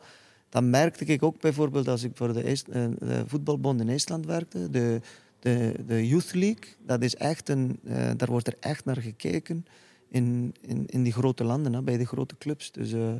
een, een heel belangrijke facette van, van de opleiding is ook wel om zulke wedstrijden te kunnen spelen met de jeugd. Waarom? Daar leren ze heel veel van, kunnen zij die ervaring in hun rugzak steken. En meenemen naar de beloften en hopelijk dan naar de eerste ploegen. En hoe zit dat precies met de Youth League? Want ik hoor je zeggen, het is nu tegen Basel, dan de volgende ronde wellicht Dynamo Zagreb. Dus dat is geen poelensysteem? Uh, of, Daarna is het of poelensysteem. kom je dan pas in poelen Ja, terecht? het zijn dus uh, Ja. twee... uh, bij de Youth League een beetje hetzelfde als bij de, bij de eerste ploegen. Dus je hebt, de, je hebt de Champions League. Mhm. De ploegen die voor Champions League eigenlijk gekwalificeerd zijn in de poelen, die krijgen automatisch hun je- jeugdploeg uh, daar in een poelen van de Youth League. Mhm. Dus die spelen tegen dezelfde ploegen. Dat wil zeggen, als het Barcelona uh, Man City is in de Champions League, dan speelt op dezelfde dag of de dag voordien in de Youth League Barcelona Master City. Die spelen, dus die, die, die jeugdploeg reist dan eigenlijk mee. Dus dat is eigenlijk de, het concept om die jongens gewoon te uh, laten raken aan, en, en laten echt Proeven aan van. proeven aan Ja. de Champions League uh, sfeer. Maar uh, je kunt ook daar binnen raken door kampioen te spelen in, in jouw land bij de U18. En dan, maar dan moet je door die, die kwalificatie eigenlijk, die twee rondes kwalificatie. Als je daar door bent, dan kom je wel in die poolfase. Ja. Ik spring even van de hak op de tak, maar over proeven gesproken. Ik zie hier nog net voor me liggen. Je hebt iets meegebracht. Hè? Jij was Ah, goed ja. voorbereid, lieve. Uh, ja, zeg het maar zelf, wat, Ik, wat je uh, precies meegebracht hebt. Ik was deze zomer in IJsland en dan, eh, doe ik, dan sla ik eigenlijk alles, al het voedsel in dat, dat je daar kan krijgen en hier niet. En ik had nu druimuur mee. Dat is, het is totaal anders dan Belgische chocolade. Het is een hele zoete melkchocolade met twee lijntjes zoete drop in. En dat klinkt gek, maar die combinatie is fantastisch. Dus kijk, dat is een, een druimer voor uh, Artnar. Vooral aan Tom laten proeven, want er zit een klein Ja, beetje, klein, zit een klein beetje uh, schapenkop in ook. Niet veel. Ik heb ook vikingvoedsel mee. Ah, dat, is echt, Oh, dat, wat is, uh, dit? dat is veel beter. Hartviskur. Oh, wacht, wacht. Gedroogde stokvis? Dat is, uh, ja... Tom, je moet daarin bijten, hè, want die, uh, die, die drop... ah, oei, ah, ja, ja. Ik zie, hebben, ja dus wacht, wacht. Bijt daar maar in. Hartviskur. Agar, dat is lekker. Dat is... Uh, En ook weer bewaartechniek. Hè. Om, om proteïne te hebben het hele jaar door, hadden ze eigenlijk vissen gedroogd. En dan kunnen die zo een beetje echt vikinggewijs ervan bijten. Ik kan even niet praten, want Ja. de drop Mm, kleeft aan mijn tanden. En hoe is uw reactie op de... Ja, Je mag, Ja. geen, je mag geen Belgische fondant verwachten, want dat is het niet natuurlijk. nee, want ik zei daarnet... Momentje. Ik zei daarnet, het kan toch niet dat uh, chocolade uit IJsland beter is dan Belgische chocolade. Ik blijf bij die stelling. Snap. Belgische is beter. Maar, oké, ik kan er makkelijk aan wedden. Het is wel een combinatie die wij niet hebben. Hè? Nee, zo die drop en die, dat die soort drop en dan... Ja. dit Ja, is mijn chocolade. vrouw, die Ja. Belgisch is. Die geeft jou 100% gelijk. Oké, dan ben ik... eh, En nu moet ik na die chocolade ook de stokvis Dat is een combinatie die niet zeer orthodox is, maar goed, het is eh, het totaalpakket. Ehm, normaal, als je, als je boter hebt, dan kun je daar zo een keer mee door de boter smeren. En voor de rest is dat gewoon Is dat de bedoeling? Dat... die vezeltjes losbijten. Ah ja, want... En ehm, eh, normaal gezien gaat zich dat dan in je mond, als je dat wat op koud, gaat dat terug wat vissig worden. En dus in de winter, als het eten op was, dan hing er nog hartviskur te drogen in de schuur. En dan werd dat, eh, werd dat gegeten. Hè. Heel goed tegen de honger ook. dit is, dit, maar dit, dit vind ik echt lekker. Ja, Maar inderdaad, met een beetje boter. beetje boter. Ja. En, en gezond, eh, denk ik ook. Ja. Ja. Ja, daar, daar zit niks. Eh, dat is gewoon, aan, daar zit een heel Ja. veel, dat is proteïne. Ja, ik zou het nooit gekocht hebben, maar ik vind het wel meevallen. Voilà, Ja. hè. Ja. En kijk, we zijn nog, ehm, ik heb helaas geen schapenkop eh, kunnen meebrengen eh, vandaag. Het, was, het was de periode niet. Ja. Dat zullen we dan proeven in Reykjavik, eh, Voilà. stel ik voor. Hè. Ja. ja. Oké, nu ben ik eh, de draad even kwijt eh, door het Ik moet wel zeggen, hè, dat, Ja. dat, omdat die schapenkoppen, dat mijn vader, als hij dus naar eh, eh, hogeschool ging, dan ging hij in zijn middagpauze aan een tankstation, op een kilometer van zijn school, liep hij naar die tankstation. En, en in het tankstation verkochten ze dus echt een schapenkop met eh, eh, zoete aardappel. En dat was zijn middageten en dan ging hij terug naar school. Dus het is echt eh, niet gewoon zomaar alleen in die periode. In die tijd was dat dus echt gewoon eh, middageten. Hè? Ja. Lijkt naar het frietkot. Inderdaad. In plaats van een brooddoos, zo'n kop, een kop mee. Je kon hem in twee doen en je kon één aan een kameraad geven. En dan eigenlijk, ja. Schitterend. Zeg maar, Arnar, jij bent ondertussen ook zo vervlaamst, zo een onderdeel van ons land geworden ook. Ja, valt daar een, eh, een lijn op te trekken? Ben je nu meer IJslander dan Belg of is dat 50-50? Of... Eh, er is een eh, dag geweest eh, waar dat ik dus besefte van ah, vanaf vandaag woon ik langer in België dan dat ik in Estland gewoond heb. Want wanneer ben je, hoe, op was 19 leeftijd? jaar. Ja. In 97 ben ik naar België gekomen, dus ik was 19 jaar. Dus op 1 juli, 19 jaar later, was ik even lang in België als ik in Estland had gewoond. Maar daarvoor ook, ik moet ook wel zeggen, ik, van in het begin, ik ben nooit de voetballer geweest die, eh eet maar rustig verder Tom. Eh, ik ben nooit de voetballer geweest die hier eigenlijk als, eh, dat zag als een passage. Ik voelde me eigenlijk van dag één heel goed in België. Mhm. En ik ben natuurlijk na een aantal jaren ook getrouwd. Ik, eh, ehm, met mijn Belgische vrouw. En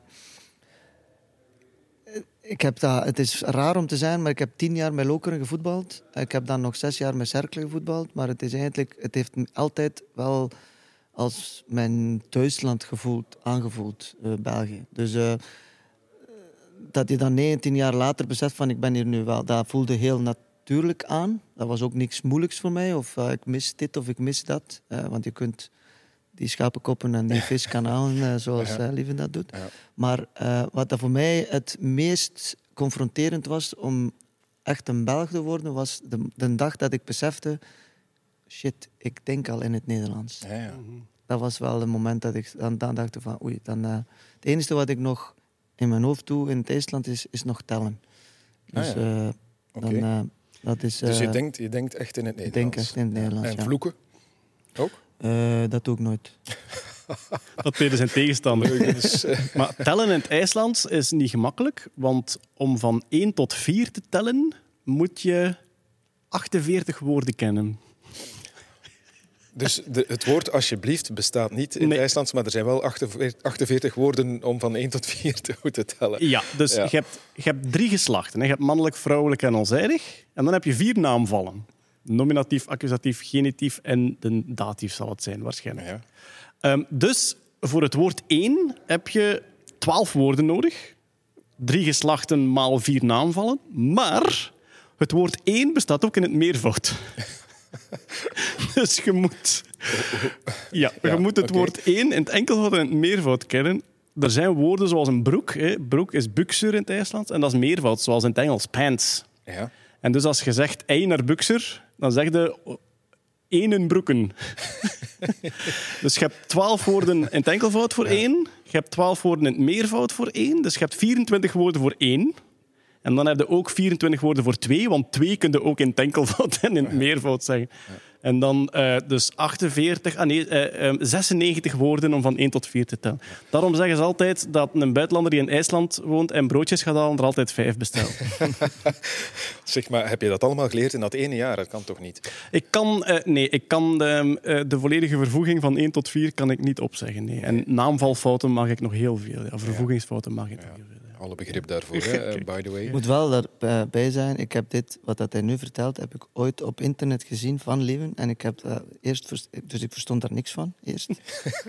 als IJslander. Maar ik, ik heb dan echt eh, even een half uurtje eh, over zitten nadenken. En het klopt dus echt. Ja? Dat is zo inderdaad, als je, als je die taal leert, zit dat in je systeem. Mhm. Zoals dat wij eigenlijk amper nadenken over geslachten van woorden en die lidwoorden, dat komt, behalve als je West-Vlaanderen zit. Maar die lidwoorden, dat komt er redelijk eh, vlot uit. En inderdaad, voor een IJslander is het logisch als je zegt ik neem één broek, of ik neem ja, één broek, dat je dat juist vervoegt als eh, accusatief, meervoud enzovoort. Eh, maar ja, je hebt eh, 24 woorden voor één, dat wel. ja. Schitterend. Zeg, Reykjavik, want we moeten er naartoe. Is dat als stad iets? Ik vind dat wel. Eh, eh, Reykjavik is echt een stad waar dat je, met, allee, waar je zonder problemen een dag of twee in kunt rondkuieren, dingen gaan kijken. Ehm, je hebt die hele typische toeristische weg, uh. Dat is niet zo boeiend meer, want dat zijn alleen maar toeristenwinkels. Ehm, maar hele mooie musea. Ehm, want ook vandaag de dag, cultureel, hè, dus schilderkunst enzovoort, leeft er wel heel veel in IJsland. Dus eh, eh, moderne musea, zeker de moeite waard. Geschiedenis, de geschiedenis van IJsland is enorm rijk en is ook vaak nog zichtbaar in het landschap. Hè. Daar staan grafheuvels van duizend jaar geleden, die liggen daar nog. Ehm, En verder, ja, je kunt zo het, het historisch centrum van Reykjavik een beetje gaan doen. Je kunt heel goed eten in Reykjavik tegenwoordig. Ehm, en je hebt het Piemelmuseum, dat kan je ook gaan doen. het wat? Het Penismuseum. Dus van alle mogelijke diersoorten. Van alle mogelijke diersoorten. Denk ook van een blauwe vinvis hangt er dan echt zo een, een kloever. eh, Oké. ja, als je een keer een vrije grote lul moet zien, dan moet je, moet je ginder zijn. Ja. Ja. Dat moeten we doen, hè. Ja, voilà. Misschien moeten wij gewoon een paar dagen langer blijven ook. En, eh, Je dat je de match niet mist hè, als je het Piemelmuseum Ga, staat. ga jij mee trouwens, Arnar, eh, als we spelen Dat ginder? denk ik niet. Ik denk dat wij eh, met de jonge agent zo ook ons programma Te hebben. druk. Ik heb dat allemaal al gezien, die Pimmelmuseum en zo. Dat is allemaal, eh. Als je, Maar als het is je wel ook wel zo wat dat Lieve zegt, je kunt ook echt in, in, in en rond Reykjavik heel veel eh dingen, bijvoorbeeld de warmwaterbron, Mhm. die zijn er Juist, ook ja. heel veel tegenwoordig, waar je echt op een half uurtje van, van het stad, maar echt in de natuur, eh, leuke eh, plaatsen waar je echt in, in de kou en in de natuur, in, eh, in een warm water van de natuur, in 40 graden eh, kunt gaan baden. Dus eh, dat zijn wel dingen die eh, enorm interessant zijn, eh, als, zoals hij zei, als je daar een paar dagen aan kunt plakken. Zeker. Maar jij eh, gaat het te druk hebben met jong agent. Ik wil het nog even over die groep hebben van jou. Ehm, Oké, we zijn nog maar eh, heel in het begin van het seizoen natuurlijk. Maar ja, stel nu inderdaad, er vallen een aantal blessures bij de A-ploeg. We komen met die al dan niet te kleine kern toch op een bepaald moment in de problemen. Zie jij daar jongens van wie je denkt, ja, oké, daar zit genoeg in om, om die door te sturen straks?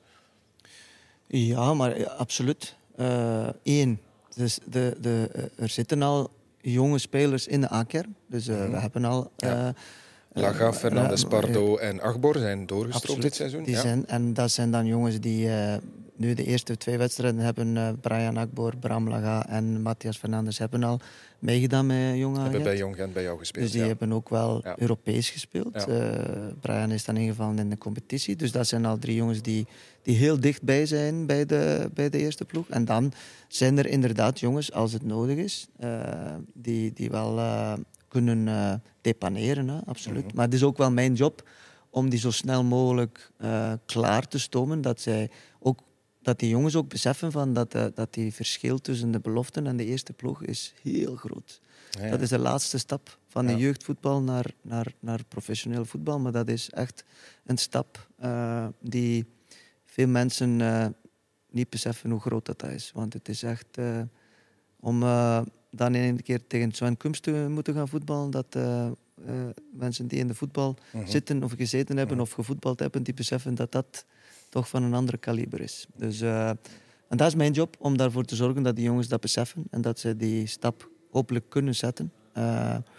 Maar het is wel misschien leuk om te melden, ook richting dan de jonge agent, dat dat daar niet zo gemakkelijk ook voor ons is om, om, om heel veel... We kunnen niet alle spelers laten doorstromen naar de beloften eh, zoals wij maar willen en wisselen. En Dienen mag nu een keer meedoen en Dienen. Want het is, er zit een beperking in voor, voor, de, voor de clubs, zoals agent. We spelen de competitie derde klasse, eigenlijk, de eerste nationale. Maar we mogen maar 30 namen op het veld zetten, of 30 spelers, over heel het seizoen. Dus er zijn eigenlijk maar 30 slots Ja. eh, verkrijgbaar voor heel het seizoen. Dus eh, we moeten, of ik als coach en mijn staf, moeten eigenlijk heel goed nadenken voordat we iemand op het veld zetten bij ons. Ja, ja. Want eh, het lijkt wel veel, 30 namen, maar als je dan weet dat wij 5, 26 veldspelers hebben bij de beloften en bij de U18 een beetje hetzelfde, dan is het niet altijd even gemakkelijk om die doorstroming eh, eh, heel vlot en Je heel een, snel te eh, laten Je gebeuren. hebt een grotere kern dan Hein, Arnaar. Ja. Als ik jou hoor spreken over 5, 26 veldspelers. Ja, je, hebt, je veel contact met Hein, hè, denk ik. Ja. We proberen eh, die samenwerking zo goed mogelijk te doen. De enige nadeel is dat wij, of nadeel, de eerste ploeg zit natuurlijk in Oostakker, wij zitten Mhm. nog op BTC. Om het, de perfecte werking te hebben tussen de jonge agent en de eerste ploeg, dan zou dat denk ik, naar de toekomst toe eh, heel interessant zijn moesten de beloften. Is dat een optie? Wordt daar al over eh, ik, gepraat? de- ik weet dat, dat, er, eh, dat er wel ideeën over zijn, maar je Mhm. moet ook wel de plaats hebben. Je moet, Het gaat ook vooral over velden. Ik weet dat in, de, in de perfecte structuur van, van Heen eh, en van de club, denk ik dat dat wel het meest ideale zou zijn.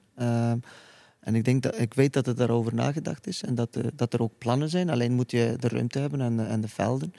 Eh, dus dat eh, is hopelijk iets voor de toekomst. Maar het is gewoon heel belangrijk om die samenwerking en die communicatie goed te hebben tussen de eerste ploeg en ons. Waarom? Omdat bijvoorbeeld vandaag heb ik, zijn er drie spelers van, van Jong Agent. Hebben zij mogen naar Oostakker gaan en hebben zij meegetraind met de Mhm. eerste ploeg. Eh, dus als die communicatie niet goed is, dan eh, ja, kun, eh, kun je die, één, die spelers ook niet sturen en kun je ook niet de spelers gaan sturen die dat ook echt verdienen. Dus daarom is het gewoon heel belangrijk dat, dat, dat er goed gecommuniceerd wordt. Ik heb vandaag gezien dat je er nog een nieuwe spits bij gekregen hebt. Basinga. Ja, Congolese jongen. klopt. Is het een goeie? Ja, dat is een jongen die hier al een aantal maanden eh, loopt, maar heeft een blessure eh, opgelopen eind vorig seizoen. Mhm. Dus heeft eigenlijk een aantal maanden eh, kunnen revalideren. wat eigenlijk heel mooi is van de club ook. Wordt vaak heel. Was dat die jongen die, die kwam testen en Ja. bij zijn test zijn, ik weet niet, zijn enkel of zijn scheenbeen Ja, ja ik, ik denk dat hij ja, echt een, een, een, eh, dus een, een beenbreuk heeft Ja, in zijn eerste ja. training.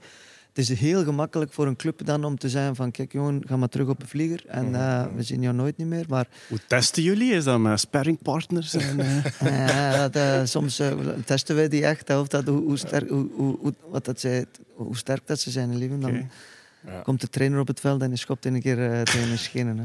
Krijgt hij een David Beulen knietje? Maar hij is bij de club kunnen blijven. Dus ja, en, dat eh, vind ik heel mooi. Het is mooi en, van de eh, club dat ze hem hier gehouden hebben. Ja. Hij heeft hier gerevalideerd via de, de fysio en de, en de medische staf van, eh, van de beloften en de eerste ploeg. Eh, chapeau voor de club om dat te doen. Ja. En hij heeft het heel goed gedaan nu in die weken. Eh, hij is even terug naar zijn thuisland nu om voor de papieren in orde te brengen. En hij is sinds hier een aantal dagen is hem, is hem aan het trainen bij ons. Hij heeft voor de eerste keer meegedaan in een oefenwedstrijd gisteren tegen Mhm. Kortrijk.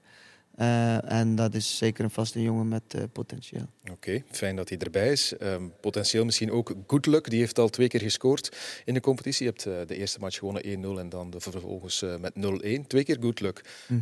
Good Luck en Gift, dat zou wel... Klinkt, klinkt goed, hè, lief en Ja, geef toe. Ja, ja. Ja, en ja, dan nog maar een, du een erbij. hè. Ja, maar pas op. Basinga noemt Theo, gracias. Voilà, ik ging net zeggen. Deo Gracias Basinga. Naam als een klok, hè. Ja. Good Luck, een goeie ook? Ja, Good Luck is... eh, ik ben ook heel blij dat... eh, dat is weer al een beslissing. Die, dat, de club heeft beslist om hem te houden. Eh, Een andere optie was om zo'n jongen te gaan uitlenen. Hij heeft vorig jaar eh, al met de jonge agent gespeeld. De logische stap, of wat de stap dat veel clubs doen, is dan zo'n speler uit te lenen naar een, bijvoorbeeld een 1B-club. Waar dat hij eh, eigenlijk eh, één kan eh, zich verder eh, ontwikkelen. En twee, eh, als hij dat daar goed doet, dan, dan, dan creëert hij ook wel een marktwaarde voor zo'n Mhm. speler. En dan kun je iets beter zien ehm, of dat hij klaar is voor de eerste ploeg of niet. Maar ik ben enorm blij dat eh, Michel en, en Hein, die hebben ook wel eh, alle twee eh, beslist om, om, eh, om hem bij ons te houden. Eh, en, eh, want hij is heel belangrijk voor eh, dit eh, jong agent. Zoals je zegt, hij heeft al twee doelpunten gemaakt in de eerste twee wedstrijdjes. En het is een competitie waar dat heel belangrijk is om ook wat... eh, ervaring is een, is, een, is een raar woord eh, als je met eh, 18, 19-jarige jongens bezig bent. Maar het is toch wel heel belangrijk om spelers te hebben eh, op het veld die die competitie een beetje kennen van vorig jaar. Dus die ervaring die de jongens hebben onder Emilio opgedaan vorig jaar, is, is, is echt op- van een hele groot belang op dit moment. Je moet eens gaan kijken. Hè. Jong Gent, dat is rustiger, lieve. Minder geroep, minder geschreeuw. Misschien nog iets dichter bij huis. Oostakker is, is dichter bij Wachtenbeek. hè. Stakker is eh, wel ja, maar ik woon, ik woon in Gent, hè, al, Ah ja, eh, al waar. Ja, 23 ja, jaar. ja, Maar ik ja. woon in Sint-Amansberg, dus eh, het is, ik, denk, ik denk dat ze langs mijn deur eh, passeren. Ah, langs de, de eh, Victor Braakmanlaan. Ik Ja. denk dat ze gewoon Ja. passeren. Ja. Ik kan nog meer ik kan staan Ja, liften. En wanneer spelen jullie? Zal opwekken. De meeste, de meeste thuismatchen zijn op zaterdagavond, eh, Oké. half Half acht. Ja, half Ah acht. ja, voilà. Ja. Maar dat gaat wel een keer lukken. Dus zeker, ja, zaterdagavond, eh, ik ga niet uit ook. Dus dat is eigenlijk Voilà. ideaal. Maar je, ben- je bent wel, eh, want ja, waar ben je eigenlijk mee bezig momenteel? Met een, een eh, tournee, hè? een show. Ja. Artificiële intelligentie. Zeker. Vertel er eens iets over. Waarom moeten we gaan kijken? Artificiële intelligentie, eh, het is iets wat heel veel in het nieuws is. Hè. Het is eigenlijk het is de, de, een nieuwe vorm van software, of die eindelijk goed begint te werken. En het is software die hele andere dingen kan dan onze klassieke software. Hè. Onze, onze, de, de computerprogramma's die we al vele jaren kennen, tekstverwerkers, Excel-sheets enzovoort, die gaan berekeningen doen en eigenlijk software uitvoeren. Het unieke aan artificiële intelligentie is dat kan patronen leren herkennen en dat kan voorspellingen doen heel concreet, zien of er een hond of een kat op een foto staat, was 20 jaar geleden onmogelijk met klassieke software. AI doet dat heel goed. En ehm, AI wordt ook gebruikt om schaakwedstrijden te winnen, om go-wedstrijden te winnen en binnenkort op het Hier zit voetbalveld. die geïnteresseerd is, denk ik. Hè? Ik weet zelfs niet hoe het, Het is, eh, momenteel is. Het is, het- eh, het is de next big thing in voetbal. Ja? want dat, dat, is, dat is de Maar logica het bestaat zelf. al, ja. maar het is, ik, heb wel, eh, met, eh, ik had al een bedrijf, als ik eh, eh, bondscoach was van IJsland, hadden wij al een Frans bedrijf die onze wedstrijden met artifici- artificial intelligence, onze wedstrijden analyseerden. Wat is er moeilijk bij een nationale ploeg is dat je eh, komt bijvoorbeeld in, eh, ik zeg maar iets, in eh, Noord-Macedonië, waar dat je geen toegang krijgt tot hun data, tot hun videoanalyses, tot hun eh, infrastructuur. Dus je moet eigenlijk alles zelf doen. Dus dan komen we terug naar die video. We nemen die wedstrijden op in zo'n breed beeld, waar dat iedereen erop. Je stuurt dan naar dat bedrijf. En dat bedrijf heeft dus een software die die wedstrijd volledig, jouw wedstrijd en de wedstrijd van de tegenstander, volledig tot in de puntjes analyseert. Eh, hoeveel hebben de spelers gelopen? Hoeveel passen hebben ze gegeven? Hoeveel passen heeft nummer 6 naar nummer 7 gegeven? Eh, waar stond eh, jouw spits als jij de, de druk begon te, uit te voeren? Wat, eh, wanneer wanneer waar- was, was jouw ploeg gevaarlijker dan die andere ploeg? Dus echt, die algoritmes zijn ongelooflijk daarin. En dit dat is echt, dat wordt al heel veel gebruikt ondertussen in de voetbal. Maar het, het is zoals Lieve zegt, het begint op punt te komen. Je kunt daar echt op beginnen vertrouwen. En dat is echt, ik, dat, voor mij als coach is dat de next big thing. Ja, dus hoe ver zijn we daarvan, Lieven, dat, dat hij bij wijze van spreken eh, aan eh, zijn artificiële intelligentieprogramma vraagt van hoe moet ik mijn ploeg opstellen eh, volgende zaterdag? Daar, daar kan je morgen mee beginnen. De, Ah, vraag, is, de vraag is, want je kan, je kan nu perfect naar een softwarebedrijf gaan die bezig zijn met artificiële intelligentie en aan hen vragen, maak eens een programma dat mij een opstelling suggereert of zelfs looplijnen, al dat soort dingen. De vraag is alleen, gaat dat programma het nu beter doen dan een mens met kennis van zaken? Op termijn wel. En ik denk, ik denk echt wel dat, dat over een jaar of vijf dat de meeste trainers zich gaan laten ehm, adviseren door AI. Dus wat je nu beschrijft, hè, eigenlijk het filmen van een veld en het computerprogramma dat alle spelers kan herkennen en constant volgen wie daar waar staat, dat is dan de analyse. Dus eigenlijk ehm, een hele wedstrijd omzetten in data. Dat is stap één. De volgende stap is heel veel wedstrijden en patronen beginnen gebruiken, dat het AI-systeem zelf gaat zoeken. Maar stel nu dat die speler zo gelopen had, wat zou de meest waarschijnlijke reactie geweest zijn? Oké, en als die zo gelopen had en zo en zo en zo, en dat die eigenlijk na een tijdje, en daar ben ik van overtuigd, gaan die AI-systemen beginnen suggereren.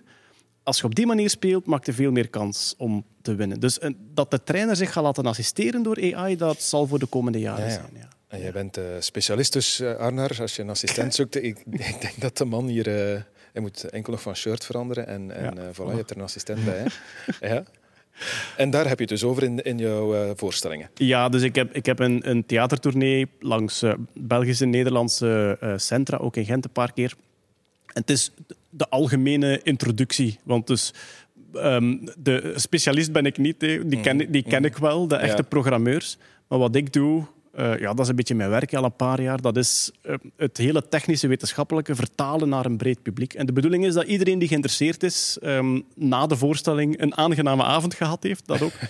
en een begrip heeft van, ah zo werkt die artificiële intelligentie en dat gaan we er allemaal mee, mee kunnen doen. Ja. Ja. In theater daar wordt niet van alles geroepen en, en met dingen gegooid. eh. Breng ze niet op ideeën. Anders komen we dus af met de harde kern. Hè. Ja. Daar- zijn, zijn- zijn er nog tickets in Gent? Eind november was het, denk ik. hè? Ja, Drie- er, ik, speel een paar keer in de, in de Capitol en daar zijn nog tickets. Ja. Er zijn er nog, ja. Speel je dan ook graag voor lege zalen of uh, mogen dat volle zalen Zo saai ben ik nog niet. Uh.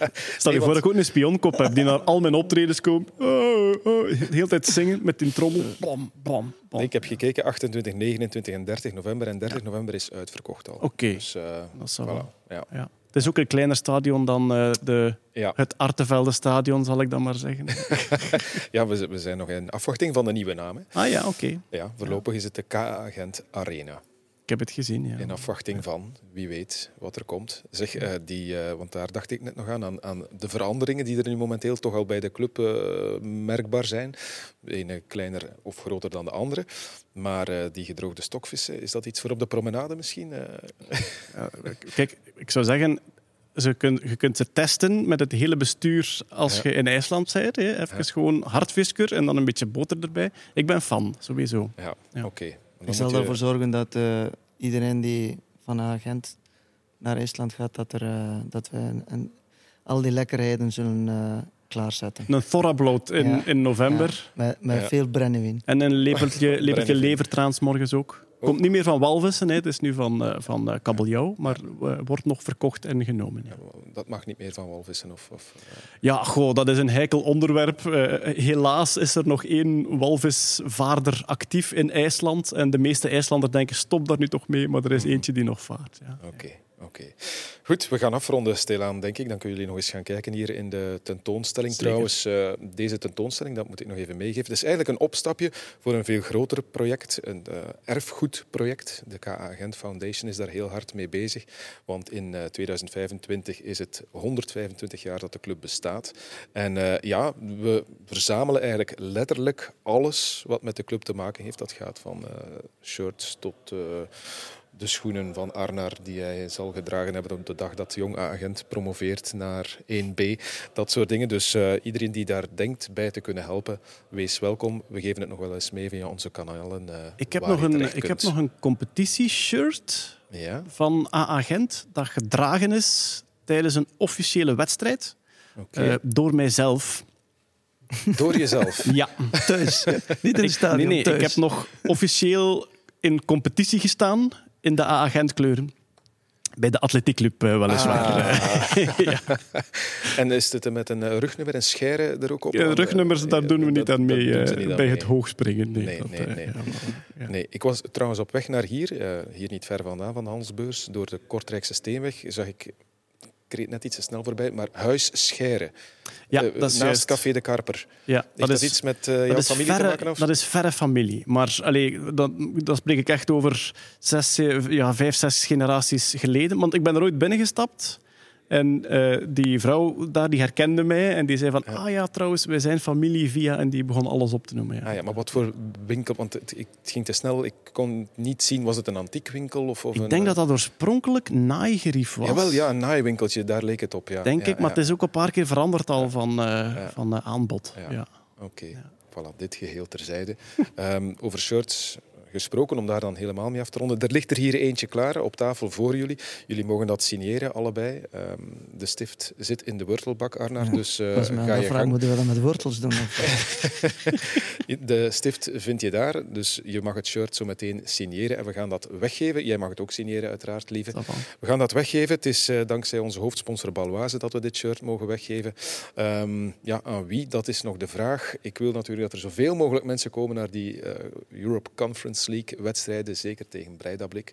Um, dus ik stel voor dat we het uh, weggeven aan de man, vrouw, die als vijfduizendste een mini-abonnement neemt voor de Conference League. Wat denken jullie? Verre deal. Zeker. Ja. Okay. Zullen die dan persoonlijk Het is echt niet afgeven, duur hè? trouwens. Een mini-abonnement heb je al vanaf 30 euro voor drie wedstrijden. Voor 30 euro, beste lieve scheren, kom je kijken naar drie wedstrijden van uh, de Conference Dat is League. verniet. Dat is verniet. Um, dat ik heb trouwens, want Ja. uh, dus de vorige keer dat ik in het stadion was, was met mijn pa voor zijn 75ste verjaardag. En dan met eten ervoor en al. Ik dacht, 75, we gaan een keer uitpakken. Mag een keer goed zijn. Dat was met heel het gezin, alle kinderen en kleinkinderen. En um, die spreken daar nu nog van. Dus ik heb hem nu voor zijn verjaardag een Europese wedstrijd beloofd. Maar als ik dat hier goed hoor, kan ik er hier van afkomen met drie Ja. voor 30 euro. Ja. Alright. Ja, Ja, goed. ja, oké. nu, nog- nu nog zien of wat de datums eh, Voilà, en wacht, kloppen. wacht nog een klein beetje. Misschien, wie weet kom je uit op de vijfduizendste plaats. eh, Ah, ja. En dan, eh, Krijg je het zelf. Ja, dat krijg ik Ja, mee. ja.